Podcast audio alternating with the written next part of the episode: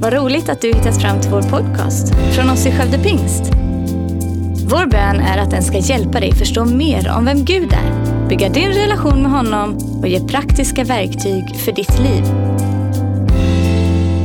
Amen. Och jag ska dela eh, och predika, precis som Ellen sa här tidigare, del två om ett generöst hjärta. Och har du inte hört då del ett så var det för två veckor sedan, 14 februari. Gå gärna tillbaka, det lägger en grund för det som jag vill fortsätta in idag. Jag ska börja med att läsa samma bibelord som jag läste i början sist, nämligen Apostlagärningarna 20, vers 35. Ett Jesusord som vi faktiskt bara har här eller utanför evangelien. Jesus sa ju såklart mycket mer än det som är nedtecknat i Matteus, Markus, Lukas och Johannes. Bland annat sa han det här. Kom ihåg det ord som Herren Jesus själv har sagt. Det är saligare att ge än att ta. Det är saligare, det är bättre, det är mer, mer tillfredsställande, det är mer meningsfullt att ge än att ta. Det finns få saker som är så kännetecknande för Guds karaktär, vem Gud är, än generositet. Eh, Alltså det är verkligen vem Gud är och vi vet det, Johannes 3 som är liksom eh, eh, Bibeln sammanfattad säger det att så älskar Gud världen att han gav sin enfödde son. Guds kärlek visar sig i hans givande. Hans generositet visar sig i handling. Därför att frukten av generositet är just givande. Och självklart, vi kommer prata en del om pengar idag, men det är inte bara det som givande handlar om, utan som jag var inne på förra veckan också, vi kan ge på så mycket bredare sätt. Jag ska bara lyfta fram tre saker. Du kan ge utav din tid, du kan ge av din energi och du kan ge av dina resurser. Av din tid, av din energi och av dina resurser. Du vet, för bara för att vi ger så betyder det inte att vi ger utifrån generositet. Själva handlingen i sig garanterar inte att det är generositet som ligger till grunden. Du vet, det kan vara av själviska motiv som vi ger. När vi ger för att vi tänker att kom, vi kommer få någonting tillbaka. Att det är därför vi ger. Eller så ger vi utifrån plikt. Vi känner, ja plikten framför allt, här är det nog bäst att ge. Och det är, inte helt, det är inte helt fel att ha en sådan pliktkänsla. Eh, men jag tror att, att det ska vara någonting annat. Vi kan ge utifrån dåligt samvete. Åh, du vet alla de där, alltså alla de där fattiga och det är nog bäst att jag ger en slant här liksom och, och, och skickar iväg någonting till någon. Det är någon gala på tv och vi skickar iväg, man får så dåligt samvete. Där måste vi ge någonting. Vi kan ge på grund av grupptryck, att alla andra verkar ge. Eller så ger vi av rädsla för att sticka ut, vad vet jag. Men Gud vill att ditt givande ska strömma ur generositet. Och därför vill han först och främst förvandla ditt hjärta. För Bibeln, Ordspråksboken 4 säger att därifrån, ditt hjärta, därifrån utgår livet.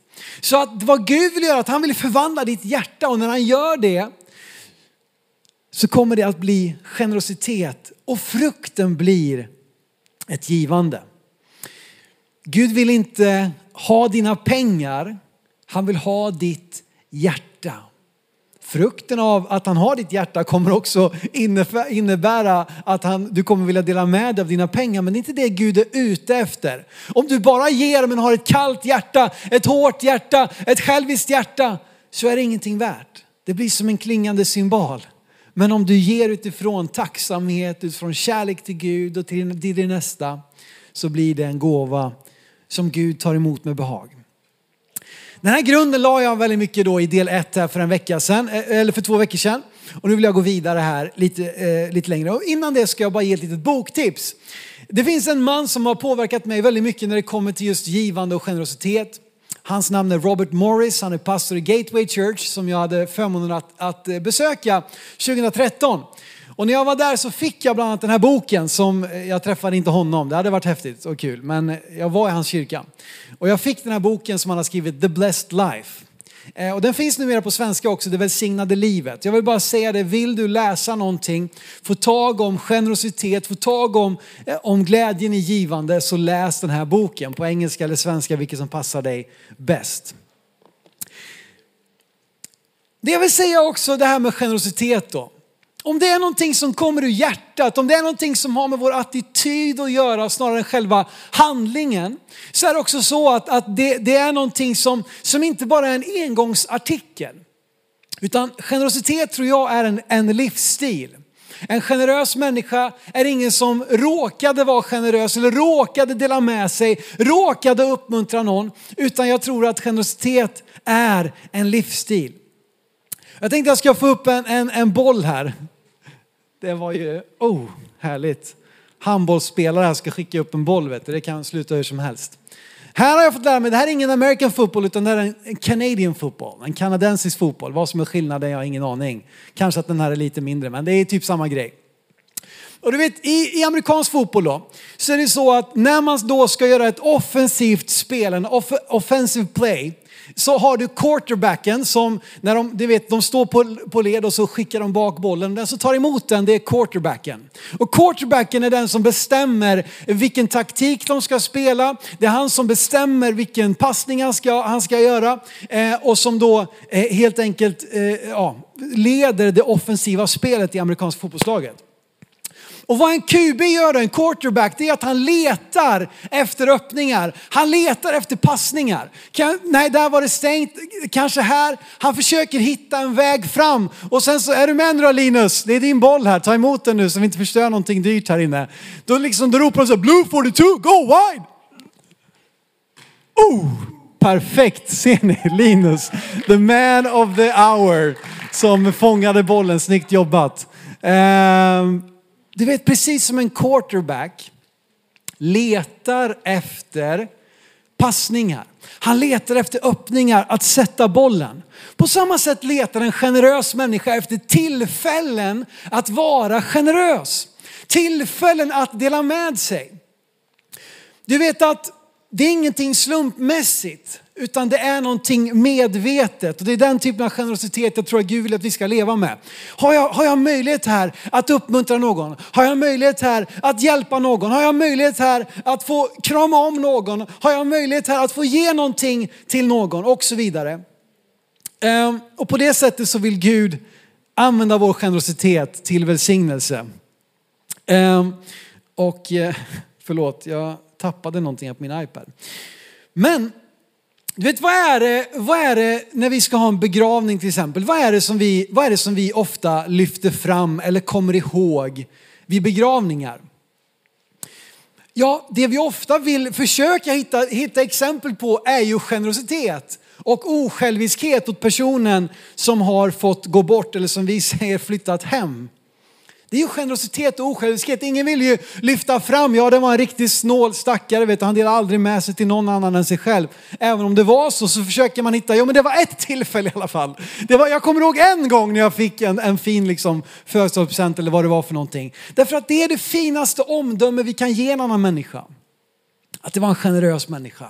Det var en osjälvisk människa, någon som levde för andra. Därför att värdet av ett liv mäts alltid i hur mycket av det som ges bort. Jag ska säga det igen. Värdet av ett liv mäts alltid i hur mycket av det som ges bort.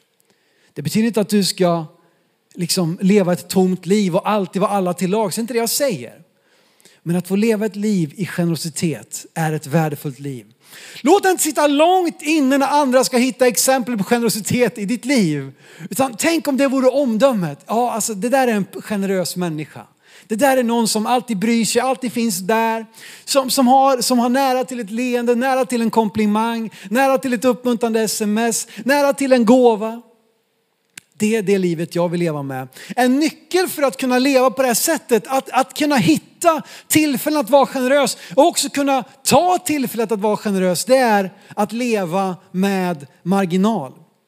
Vi ska läsa ifrån tredje Mosebok 19, därför att det är så häftigt att det här finns en princip i Mose lag som handlar om just detta. Jag var inne på det i min förra predikan, ni kanske kommer ihåg när jag stod och hällde havregryn i, i, Johans, eh, i Johans famn.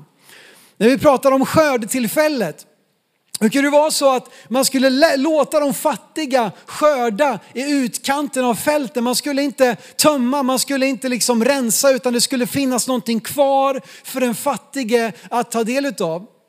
Och det är hämtat rakt ur tredje Mosebok 19, vers 9 till 10 och vi ska läsa det tillsammans. Det står så här. När ni bärgar skörden i ert land ska du inte skörda till den yttersta kanten av åken och inte plocka upp ströaxeln efter din skörd. Inte heller i din vingård ska du göra någon efterskörd och de druvor som fallit av i din vingård ska du inte plocka upp. Du ska lämna kvar det åt den fattige och åt främlingen. Jag är Herren er Gud. Vilken fantastisk princip. Att inte leva sitt liv till gränsen av våra tillgångar. Att leva vårt liv liksom, vi ska maxa ut, vi ska, vi ska liksom öka kostnaderna. Utan vi ska, hej, lev ditt liv med marginal. Se till att du har den marginalen så att när tillfället kommer att vara generös så kan du ta det. Därför att du lever med marginal. För att kunna välsigna den fattige, för att kunna hjälpa din nästa. Du vet idag har vi en kultur som i stort sett är det rakt motsatta. Vi lockas hela tiden att öka våra utgift, eller utgifter, omkostnader. Vi, liksom, vi belånar husen till max och vi, vi, liksom, vi, vi, vi kan knappt vara, vara sjuka för att inte liksom, vi klarar inte av det inkomstbortfallet utan vi har, vi har liksom pressat vår tillvaro till det yttersta och det finns ingen marginal. Undra på att du inte kommer kunna vara generös. Därför att vi lever vårt liv till kanten. Det finns liksom inget, inget spelrum och det blir som att gå genom livet så här och försöka vara generös så här liksom. För att kunna vara generös, du behöver lite utrymme, eller hur? Det är det vi brukar säga om Hjärta för huset som vi gör på hösten, en, en stor insamling. Det är för att det ska ge oss lite utrymme. Vi behöver lite, vi, behöver lite, vi behöver lite vidd här. Vi måste kunna gå längre. Vi måste kunna spänna ut våra tältpluggar så att vi kan hjälpa fler, så att vi kan nå längre, så att vi kan ta nya steg. Och för det så behövs det marginal. Lev ditt liv med marginal. Som någon klok människa har sagt, det är inte de stora inkomsterna som gör en människa rik, utan de små utgifterna. Med det sagt så talar jag inte här om att vara snål eller missunnsam. Det är så långt från Guds karaktär som man kan komma.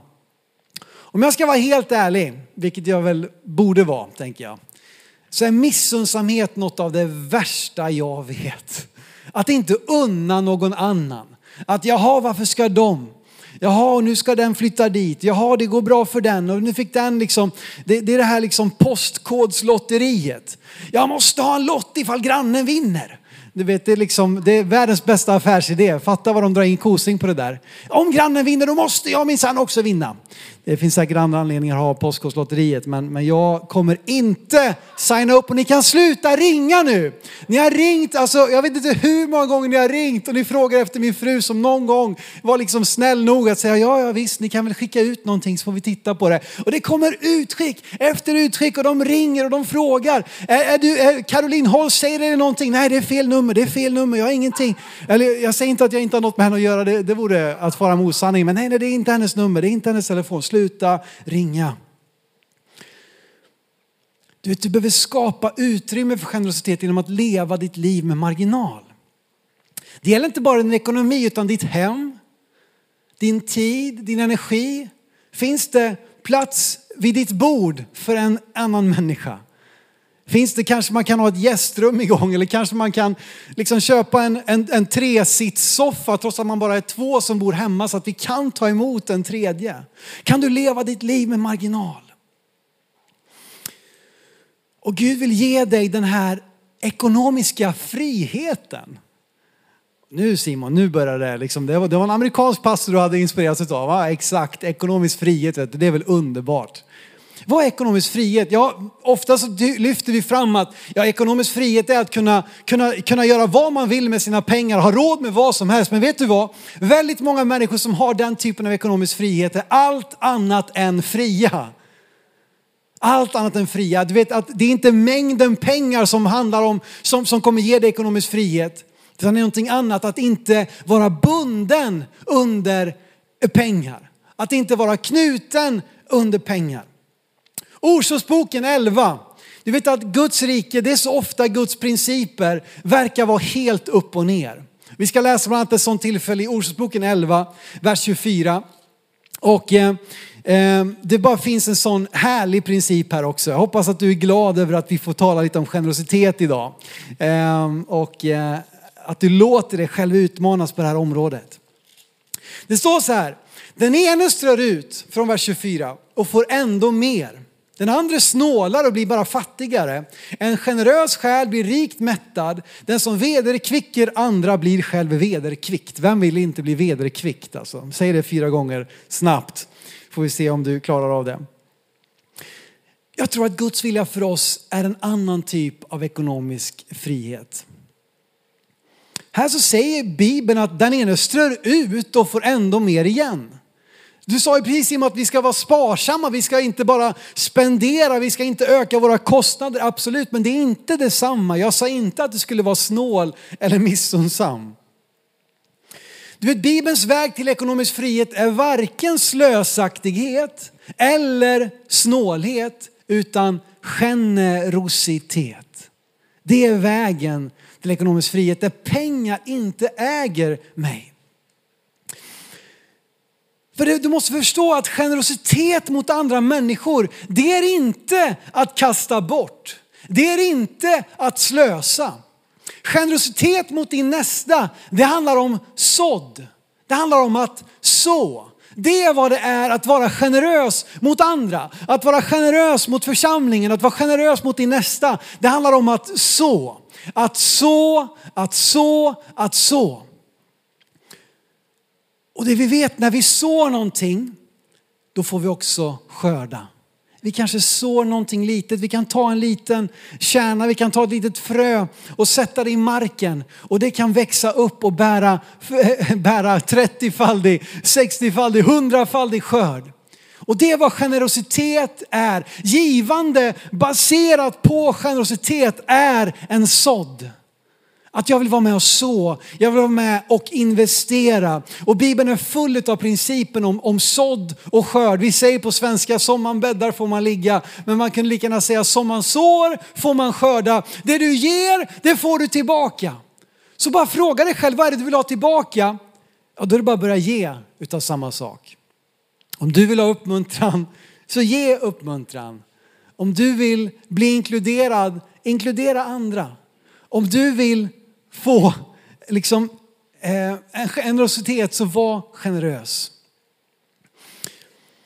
Och i allt det här, så vad är då vägen till, till ekonomisk frihet då, som du pratar om Simon? Ja, återigen, jag, jag, säger inte att du ska liksom ha miljoner på banken och bara kunna liksom casha vad du vill och göra som han, vad heter han den här, den här rika eh, Jan Emanuel, vad heter han så? Jan Emanuel som går in och köper en klocka för 2,95 miljoner kronor bara för att han glömde den andra hemma. Det är inte det jag snackar om. För att kunna vara ekonomiskt fri så måste du till att börja med göra pengar till en tjänare och inte en herre. Det är hela sanningen skulle jag säga. Låt oss läsa Jesu ord i Matteus kapitel 6.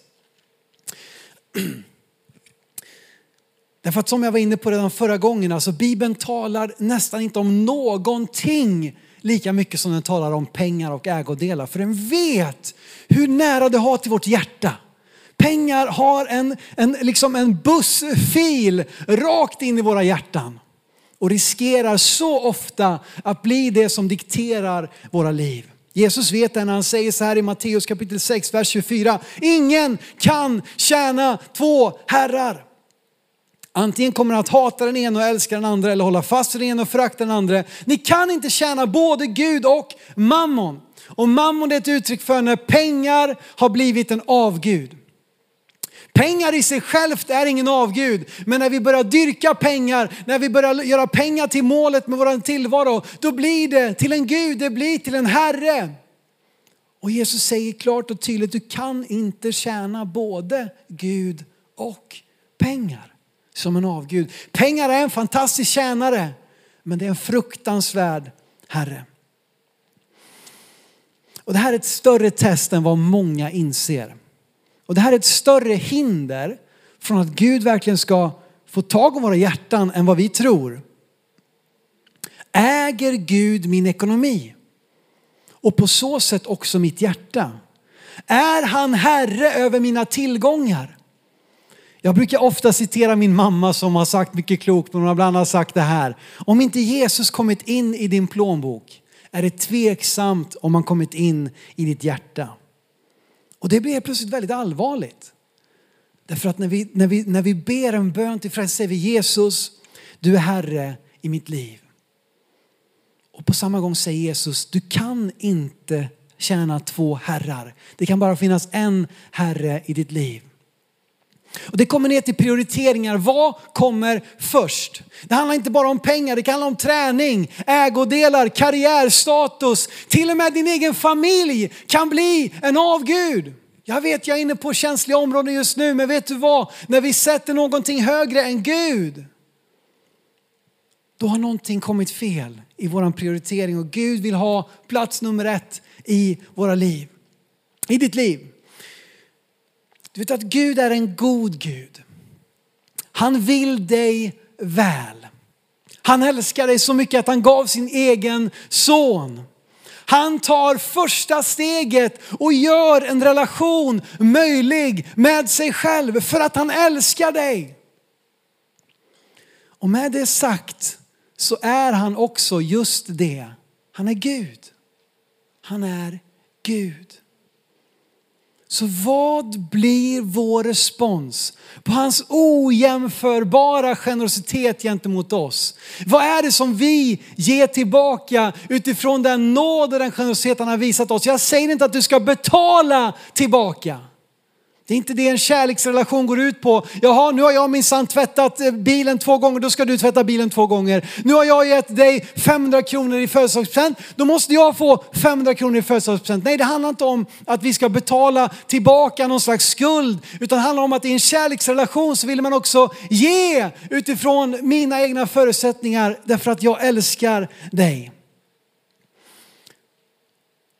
Hur kan jag sätta Gud först i mitt hjärta? Genom att sätta honom just först. Ordspråksboken 3, vers 9-10. Ära Herren med vad du äger och med det första av all din gröda. Då ska dina lador fyllas av rika skördar och dina pressar flöda över av vin. Det första är av yttersta vikt för Gud. Vad gör du med det första? Gud gav oss det ultimata offret, det är att han offrade sin förstfödde, sin enfödde son. Det var ingenting, det var inget skrap på botten. Han gav det bästa, det finaste, det dyrbaraste han hade. Han hade ingen annan son att liksom, om det hade, om det hade gått åt inte gått bra så, så hade Gud ingen andra, ingen andra utväg. Han gav allt. Han gav sitt första. Jag vill utmana dig att göra Gud till det första i din prioritet. Så vad ska jag ge? Om jag ger mina första fem kronor, då har jag minsann sagt Gud först. Jag säger inte att fem kronor måste vara en dålig gåva, men för många av oss som har en, en, en normal inkomst så är fem kronor ingenting. Det finns en princip genom hela Bibeln, en röd tråd som en princip för givande, som en princip för generositet. Tionde. Tionde principen. Ni har hört mig prata om det många gånger förut. Att helt enkelt ge tillbaka 10% av min inkomst till Gud. Kom ihåg förvaltarperspektivet som jag pratade om förra gången. Att ge en tusenlapp är enkelt om jag först har blivit en given. Om jag får en tusenlapp av någon annan är det väldigt lätt att ge den vidare. Om jag tänker det här är min tusenlapp, det här, är, det här har jag tjänat ihop, det här är mina pengar. Men jag tror att när Gud blir herre i våra liv då blir han just det Herre i våra liv. Och allt det jag har, har han gett mig att förvalta. Min familj först och främst, mitt hus, mitt hem, min, mina pengar. Allt det har Gud gett mig att förvalta. Och ett sätt att säga Gud, allt det här tillhör dig. Det är att också ge honom mina första 10 procent tillbaka till honom. Och det blir lika för alla. Och jag tror att just tiondet representerar det här första, att ge Herren det första av dina ägodelar. I bondesamhället skulle man ge det första av skörden, de första vindruvorna som blev mogna, eller de första axen som blev mogna. Eller man skulle ge den första kalven en ko födde, eller den första eh, lammet ett får födde. Men jag tror i våran tid där vi liksom inte har allt det här så är tiondet ett sätt att ge och sätta Gud först. Någon säger att det där är lagiskt Simon, du är lagisk. Någon säger att nej men Jesus sa att vi ska ge allt, inte bara tionde. En tredje säger att varken Jesus eller Paulus predikade tionde och så vidare. Och jag skulle hemskt gärna nu gå in i en del tre här och bara mythbusters. Men låt mig bara säga det, tionde har, kom långt före lagen. Hundratals år före lagen kom principen av tionde. Principen att någonting tillhör Gud, att någonting är avskilt åt Gud. Det ser vi redan i Adam och Eva med kunskapens, med kunskapens träd. Att det här var någonting, det här tillhör Gud. Ni har allt det andra men det här tillhör Gud. Ta inte utav det som tillhör Gud. I Kain och Abel ser vi att Gud, Gud såg till Abels offer därför att han gav av det första ifrån sin skörd, utav det första utav det han hade. Medan Kain, det stod inte att han gav det första första eller det fetaste, stod bara att han tog någonting. Jesus uppmanar oss att ge allt till honom, absolut. Men visa det genom att ge 10 procent. Jesus förkastar aldrig tionde. Han bekräftar det faktiskt på ett tillfälle i Matteus 23.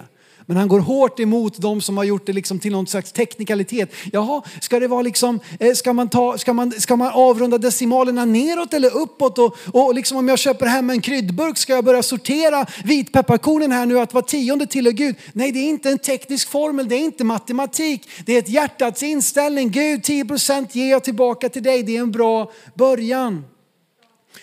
Paulus om någon talar om generositet, men hade ganska mycket problem också med judaiserande, alltså att det var många som ville få de nyblivna kristna att också följa Mose lag. Och det, det, är inte våra, det är inte våran grej att vi ska leva som judarna. Jesus har gett oss ett nytt förbund. Så det är ganska rimligt att Paulus inte börjar prata just om tionde men han talar otroligt mycket om generositet. Och han talar otroligt mycket också om att det är liksom ett sätt att kunna försörja de som skulle leva för att, att predika ordet bland annat. Min enkla uppmaning till dig är att börja ge tionde. Eller fortsätt göra det.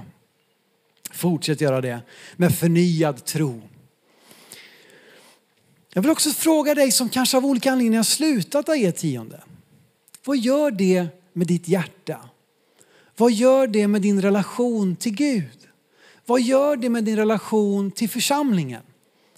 Någon kan säga det är omöjligt Simon, du har ingen aning, jag kan inte ge 10 procent.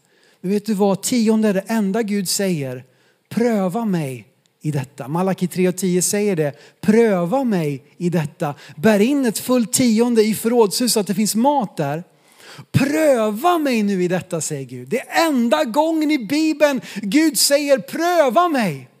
Det kommer till tionde. Jag vet församlingar som säger du kan ge, om du ger tionde i sex månader, om du inte är nöjd med resultatet så betalar vi tillbaka alltihop.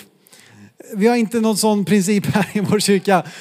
Men för man vet att när du väl gör det utifrån hjärtats tro, utifrån en överlåtelse till Gud, så lita på att Gud är min försörjare. Gud, inte liksom vad som står på lönebeskedet, det är han som tar hand om mig. Och jag vill utmana dig i detta, inte för att jag säger det, men för att Guds ord säger det. Jag vill inte tvinga någon, säg inte att Simon har tvingat mig. Nej, det ska ske utifrån ett glatt hjärta. Men gör det. Och det handlar om att Gud ska få ta ditt hjärta. Det är det det handlar om. Och jag vill också uppmuntra dig till det för att jag vill att du ska få komma in i den välsignelse som Gud vill ge. Vissa tycker man får inte prata om att Gud vill välsigna, men vissa säger att du får inte säga att någonting vi gör kan öppna upp Guds välsignelse för oss. Ja, men i så fall får vi lägga väldigt mycket av Bibeln åt sidan, för det finns väldigt mycket av våra val, av vår livsstil som antingen kan öppna upp eller stänga igen för Guds välsignelse. Pengar är en sådan sak. Jag vill utmana dig i detta. Den goda effekten blir också att om Guds folk ger tionde, då har vi resursstarka församlingar. Det är inte för att min lön ska gå upp, men det är för att vi ska nå fler. Att vi ska nå längre. Att vi ska kunna fortsätta erbjuda konfa i många år framöver. Att vi ska fortsätta öppna upp och göra plats för människor. Och därför så vill jag utmana dig att bara kroka, kroka arm med visionen och fyll på i förrådshuset så att vi har mat. Du vet det finns en värld där ute som törstar och hungrar efter mening, efter någonting större, efter någonting mer än det vi bara ser och det vi kan ta, det vi kan köpa för pengar.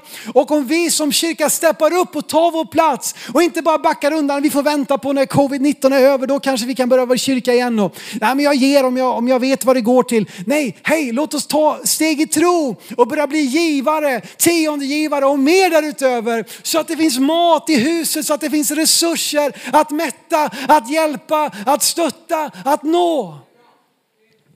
Och därför har vi satt upp ett högre mål det här året än vad vi någonsin har samlat in under ett och samma år. Självklart, man får räkna in inflationer och hit och dit. Säkert har vi gett kanske mer kontra mot vad folk tjänade. Men det här beloppet har vi aldrig nått upp till tidigare. När vi går in i vår visionshelg så kommer vi föreslå att vi sätter ett mål att vi ska samla in 200 000 kronor i snitt varje månad. Och det, vi har legat liksom 180, 190, 195, 185 fram och tillbaka. Men nej, jag vet att det är möjligt. Skulle vi bli tiondegivare som församling, vi skulle samla in långt mer. Men låt oss börja där. Genom att vi krokar arm med visionen. Säg Gud, du är nummer ett i mitt liv. Och det du bygger, Jesus sa jag ska bygga min församling. Jesus, det du bygger, det vill jag vara med och bygga. Det vill jag vara med och finansiera, det vill jag vara med och resurssätta. Att ge tionde handlar ytterst om att sätta Gud först. Gud,